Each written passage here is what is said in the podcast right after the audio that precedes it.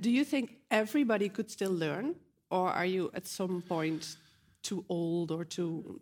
Would there still be, Yeah, is there so like a driver's license say, that I could get? let's say we were still riding horses today and Mm-hmm. suddenly we had cars would you not learn to drive a car or you were still heating your uh, milk for tea or uh, coffee in in your uh, in fire and suddenly there is a microwave and you would not learn to press the right buttons in that microwave so we do that with other technologies Kunstmatige intelligentie.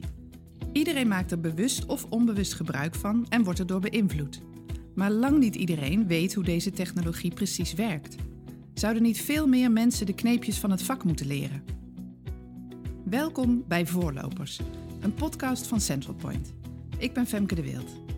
In deze aflevering maken we kennis met Bernardo Nunes, de trainer die jou kan leren hoe je kunstmatige intelligentie kunt toepassen in je dagelijkse werk.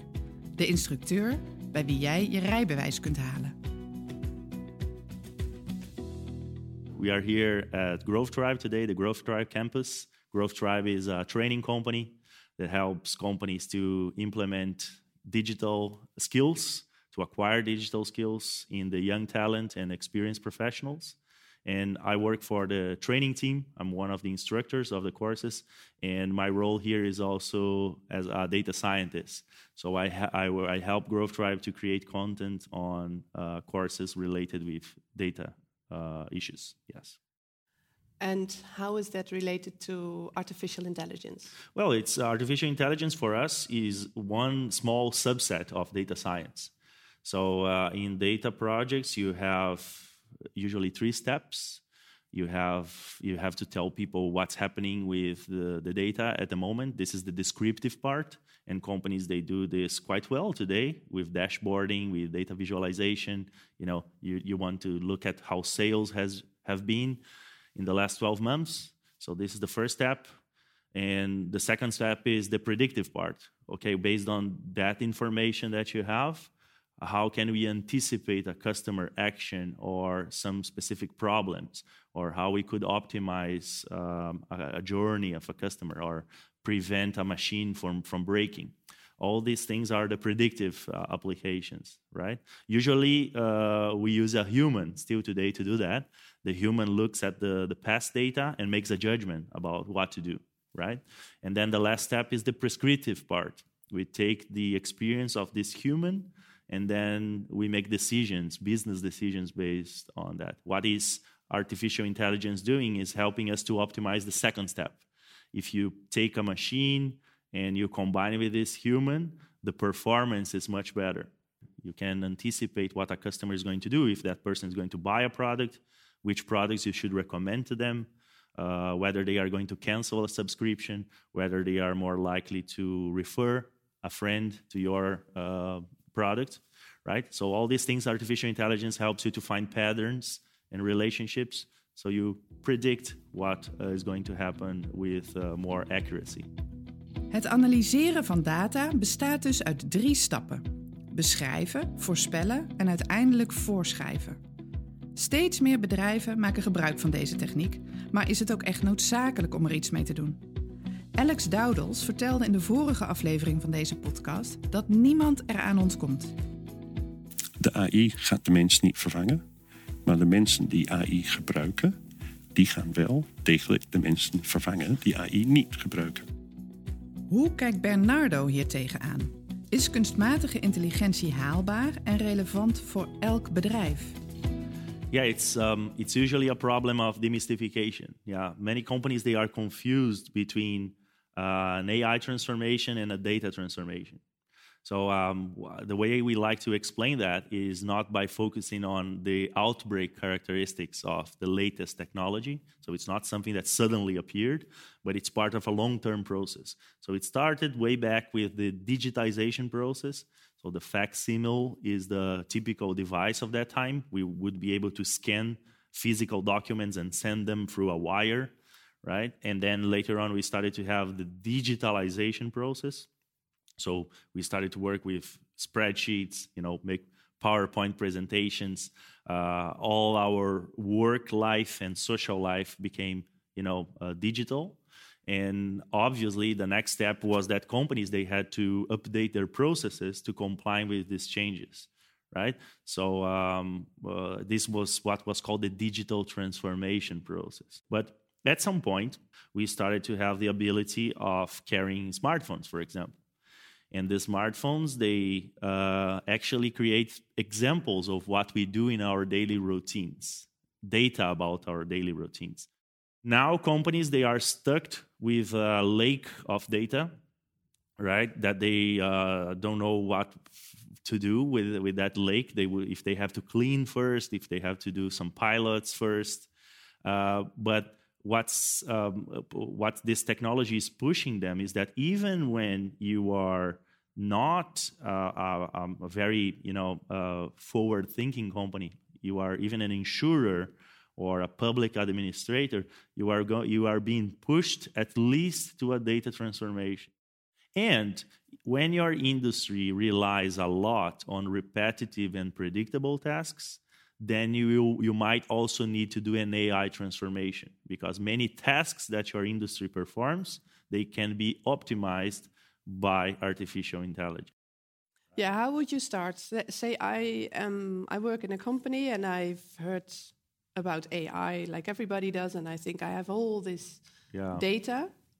Uh, should I do something with it? How, what would yeah. be the royal route to yeah, implementing so, AI. So, yeah, if you take the um, the many playbooks we have in the industry, uh, you will see there are some common factors that appear, right? Uh, one of the common factors is that companies would write down a data strategy or an AI strategy, and this is usually a mistake, but it's the decision that most of the C levels they take because they like to have a strategy, they like to have the support of companies like McKinsey, the BCG, Deloitte, and they kind of share the risks and responsibilities with these externals. It's good to have a data strategy or an AI strategy um, at some point, but it's not the first step that we think you should take. Before you write a strategy, before you increase the size of your team, before you create internal communications to your shareholders that you are going to try or investigate about AI, you do these small scale risk controlled pilot projects that you find some successes then you implement them, put them into production. Because of that, you get more customers, more data, and then you learn the features that you actually have to store here in the beginning. The big tech firms that pro- uh, provide cloud and storage services, storage and computing power, they would be very happy if you just store everything with them because later on you think you are going to clean that data and later on you are going to use the, uh, their services for training models they will be very happy. But what you need to do is first you do the pilots because then you learn which features to store. The companies that they strived you know, during the last 10 years, right? They are all companies with the experimentation mindset. Om kunstmatige intelligentie succesvol toe te passen, moet je dus experimenten uitvoeren. Kleinschalige projecten die je kunt opschalen als ze succesvol blijken te zijn. Voor bedrijven die in het digitale tijdperk zijn opgericht, is dit volkomen vanzelfsprekend. Maar voor grote bedrijven die al decennia bestaan, ligt dat anders. Welke vaardigheden hebben werknemers nodig om met kunstmatige intelligentie te kunnen werken? Hoe moet je team eruit zien? En wat moet je vooral niet doen? So you might have companies that they have uh, data teams or IT teams and they are working in silos. They are isolated and and this does not create any value uh, except for the regular uh, activities of a company but the company does not innovate because you it's very hard to find people that have both domains right? They are kind of unicorns. It would be good if you can hire and or upskill a person to become like that. So we do that. Uh, we go we have courses training uh, journeys that you take business people and make them more analytical and we also have the opposite. So you take the builders, the analytical young talent, for example, and make them more business savvy in a faster pace, right? So uh, because it's difficult to find these people naturally, or they are extremely expensive in the market, uh, most of them they end up preferring working as an independent consultant or a freelancer because it's it's more rewarding for them. So uh, it is because it's a difficult task to find. You try to create cross collaboration teams right? This is one of the solutions that is possible. And so each of these individuals in the team, they know each about each other's work a bit.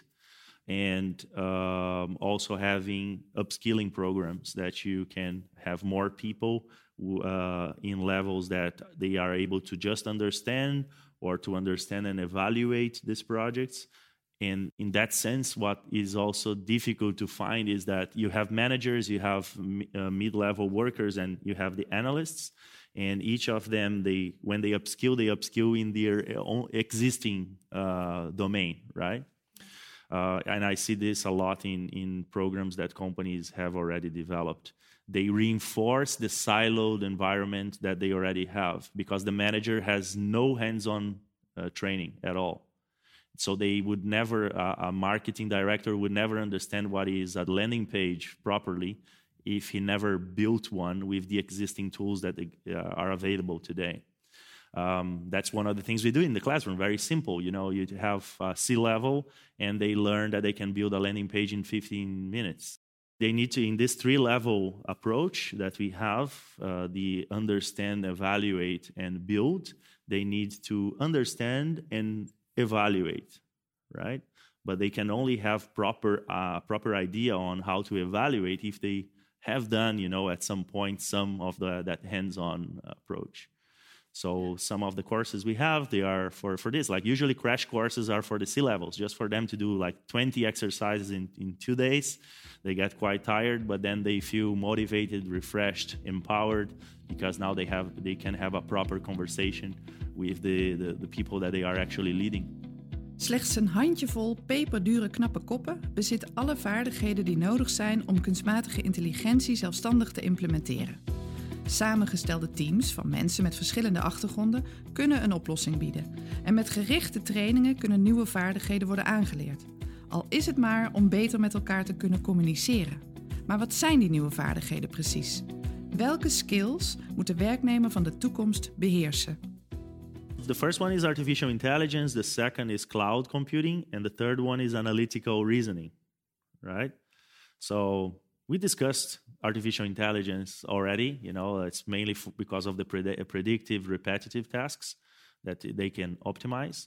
And then you have the plumbers, the ones that are will be sure that the data comes from the data lake or from a data warehouse and achieves uh, here uh, the workplace of a data scientist. And the data scientist can do his magic with the data, find the patterns, explore, explain what is in there, and create new proof of concepts that the company will judge if they should adopt it or not.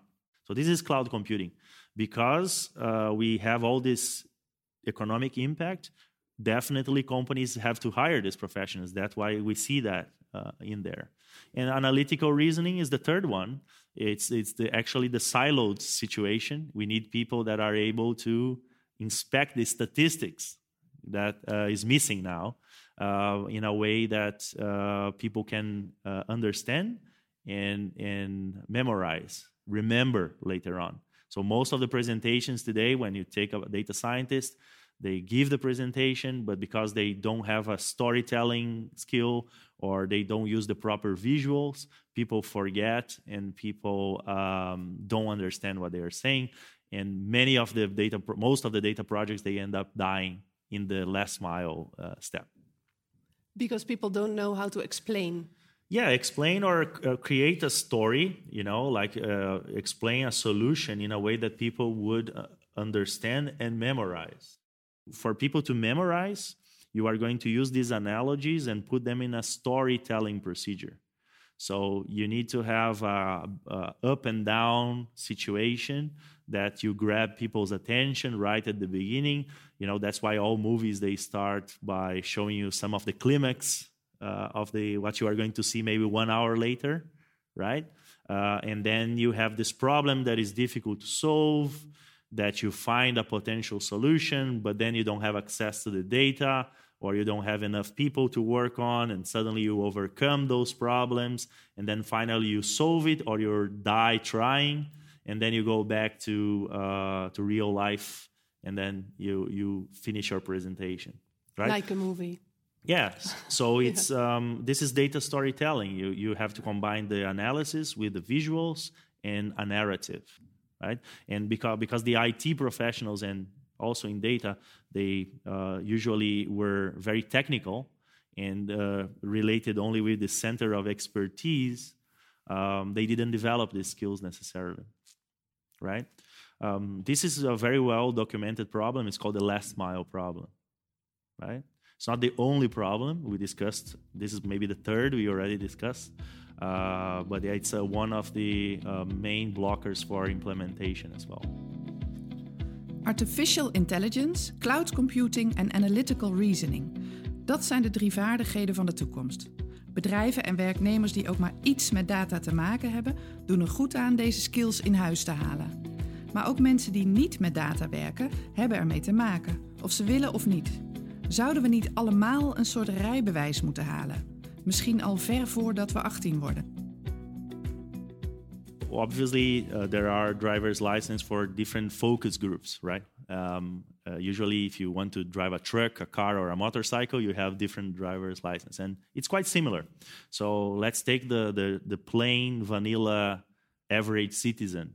So this is very similar to what Finland is trying to do. They have a smaller population, and they have this government program in schools and in uh, even a free course online that a citizen can understand these things we are chatting about. You know, the demystification part, what is going to happen, how this affects the national strategy, the voters, the workers, and then you know people get more familiar with uh, they, they orient their kids to take different professions maybe you know this kind of thing. Data citizenship. This would be the the, the driver's license. And um, then you go uh, one level further for those people you know already working and that they are in industries that might be affected by not only data transformations but uh, ai transformations. And then these people they need to all be able to evaluate. Like when you buy a car. You buy a car you ask oh how safe is this car? How fast is the car how fuel efficient is the car, a citizen knows how to uh, evaluate the car. And it's the same in the workplace. How can you pay and compare service providers if you don't know which metrics they, they um, are based on, right? So this is the second level driver's license. And then you have the builders. So people that work in, for example, search engine optimization and marketing, Google does not only does not use the same procedures they were using two years ago. Now there is natural language processing in the ranking system. So you need to understand that even at the level of building something similar, so you can you know uh, not be tricked by the the other uh, part, Google, for example, or Amazon. So uh, the driver license goes through these three levels, and I I would say that yeah, uh, the guys at the top, the builders they have personality traits that are very proactive, industrious people. They seek for information. They might have a hard time structuring how to start, but they would they will acquire the knowledge because they are curious and, and, and industrious. The problem is with the rest of the, the people, right? Um, and it's quite similar to financial behavior. Like everyone needs to save for retirement. But there are people in the population that they know about stocks, bonds, interest, inflation, right? And then you have 85, 80% of the population that they don't. So maybe you should force them to save through their paychecks because they will never acquire that behavior. And this is the type of uh, parallel that we could do with uh, artificial intelligence. The driver's license has different levels, and we need to have a coordinated movement to upgrade everyone. And do you think everybody could still learn, or are you at some point too old or too would there still be, yeah, is there so like a driver's license say, that I let's say we were still riding horses today and mm-hmm. suddenly we had cars. Would you not learn to drive a car? We do that with other technologies. If you want to understand why people are more reluctant about these last uh, achievements it's because they get a bit um, impressed by the ability of substituting the predictable co- uh, uh, co- uh, cognitive abilities that we have. But it's just something that we achieved because of the examples from the data, the algorithms. And um, it's because for to understand this technology, you need to know a bit of statistics. And uh, kids they don't like that or we told them not to like these things we told them to be just creative not have analytical skills necessarily um, and that we are paying the price for that as well Datawetenschap zal zich steeds verder ontwikkelen en de nieuwste technologieën zullen steeds meer taken van ons overnemen. Voor wie bij wil blijven of zelfs voorop lopen is de boodschap van Bernardo duidelijk. To deal with this future, you need to have uh, a long life learning approach. So you need to have this continuous uh, education uh, program for yourself or for a company. Je luisterde naar Voorlopers, een podcast van Central Point. In de volgende aflevering spreek ik Dirk van Veen, gegevensarchitect bij DUO, een dienst van het ministerie van Onderwijs, Cultuur en Wetenschap. Dirk neemt ons mee naar de praktijk. Hoe gaat DUO om met de enorme hoeveelheid gegevens waarover de organisatie beschikt? Waarin zit de meerwaarde van deze data? En hoe past alles binnen de grenzen van de wet?